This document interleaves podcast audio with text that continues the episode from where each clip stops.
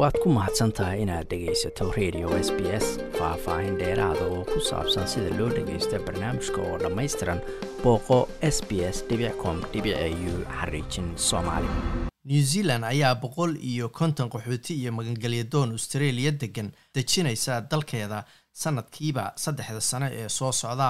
Kadib markii dowladda federaalka australia ay aqbashay arrintan oo new zealand ay u soo bandhigtay labadii kun iyo saddex iyo tobankii kooxaha u dooda qaxootiga ayaa soo dhaweeyey in new zealand ay qaadanayso afar boqol iyo konton qof laakiin waxay sheegeen in ku dhowaad sagaal boqol oo qof oo kale aysan haysan cid u fidinaysa ama siinaysa meel ay degaan. Dowladda australia ayaa ugu dambeyntii aqbashay casuumaad toban sano ka hor ay new zealand u fidisay australia oo ay u sheegtay inay dibudejin siin doonto qaxootigaasi labadii kun iyo saddex iyo tobankii ayay ahayd markii labadii ra'iisul wasaare ee australia iyo new zealand julia gillard iyo john key ay gaareen heshiis ay new zealand dalkeeda ku dejinayso boqol iyo konton qaxooti ah sanadkiiba muddo saddex sanaa.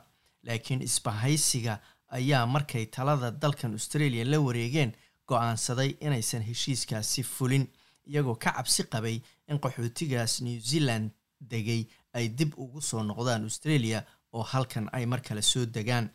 Wasiiradda arrimaha gudaha dalkan australia karen andrews ayaa sheegtay in heshiiskan ay ku jiraan qodobo ka hor istaagaya in dadkaasi ay australia dib u soo degaan oo ku soo noqdaan.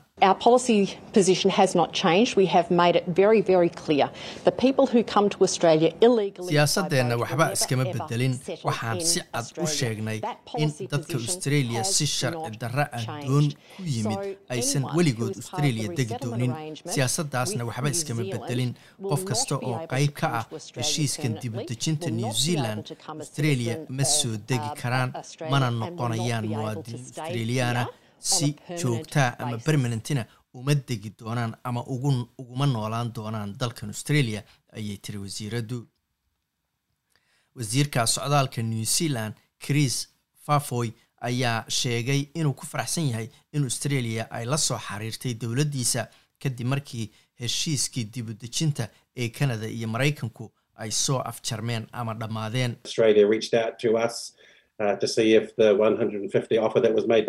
australia ayaa nala soo xiriirtay oo na weydiisay in casuumaaddii aan u fidinay labadii kun iyo saddex iyo tobankii inaanu boqol iyo konton qaxootiya qaadano ay weli furan tahay in kale. Dabcan wayna furan tahay oo weli way taagan tahay casuumaaddaasi wixii ka dambeeyena waxaanu ka wada shaqaynaynay ayuu yidhi faahfaahinta heshiiska ilaa aanu soo gaarnay maanta oo aanu ku dhawaaqnay waana arrin fiican marka laga eego dadaalada bini-aadanimada ee gobolka ayuu yidhi wasiirkaasi. Qaramada midoobey ayaa soo dhoweysay heshiiskan dibudejinta ah.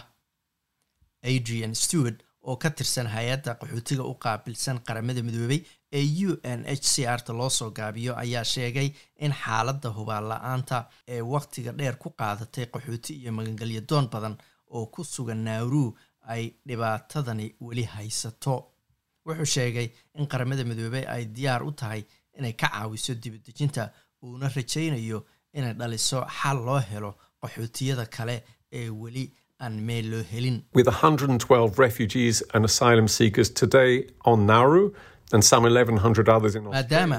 Ay boqol iyo labiiyo toban qaxooti iyo magangelyadoon ah maanta ku sugan yihiin nauru kun iyo boqol kalena ay ku sugan yihiin gudaha australia. heshiiskan ma buuxinayo baahidooda oo dhan.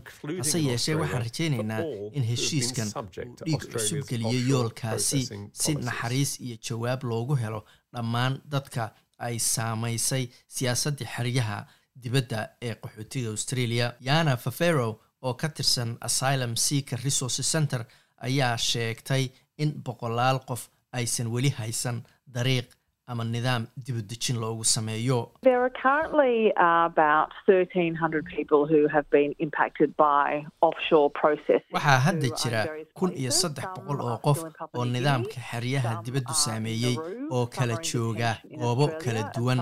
qaarkood waxay joogaan papua new while qaarkood waxay ku 450 sugan yihiin which qaar waxay ku jiraan xeryo australia gudaheeda ku yaal. About 900 qaarkood waxay ku dhex nool yihiin bulshada. marka in afar boqol iyo konton konton ka mid ah meel la siiyey waa wax aada loogu farxo. Macnaheeduse waxa weeye in sagaal boqol oo kale aysan haysan qorshe dibudejina ama meel ay degaan. Waxay sheegtay inay masiibo ahayd in australia ay ku qaadatay wakhti dheer inay aqbasho.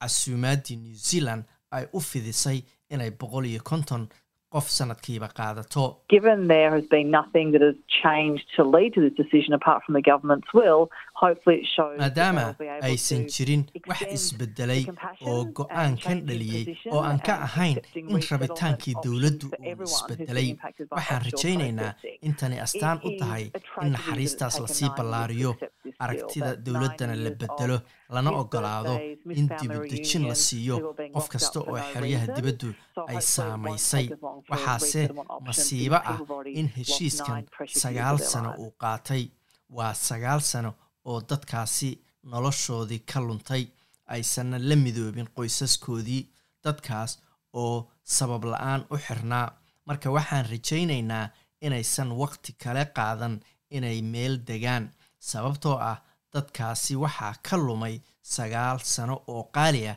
noloshooda.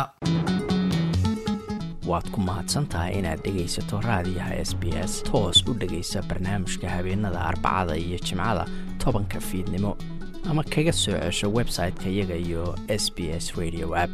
Booqo s b s com au xariijin soomaali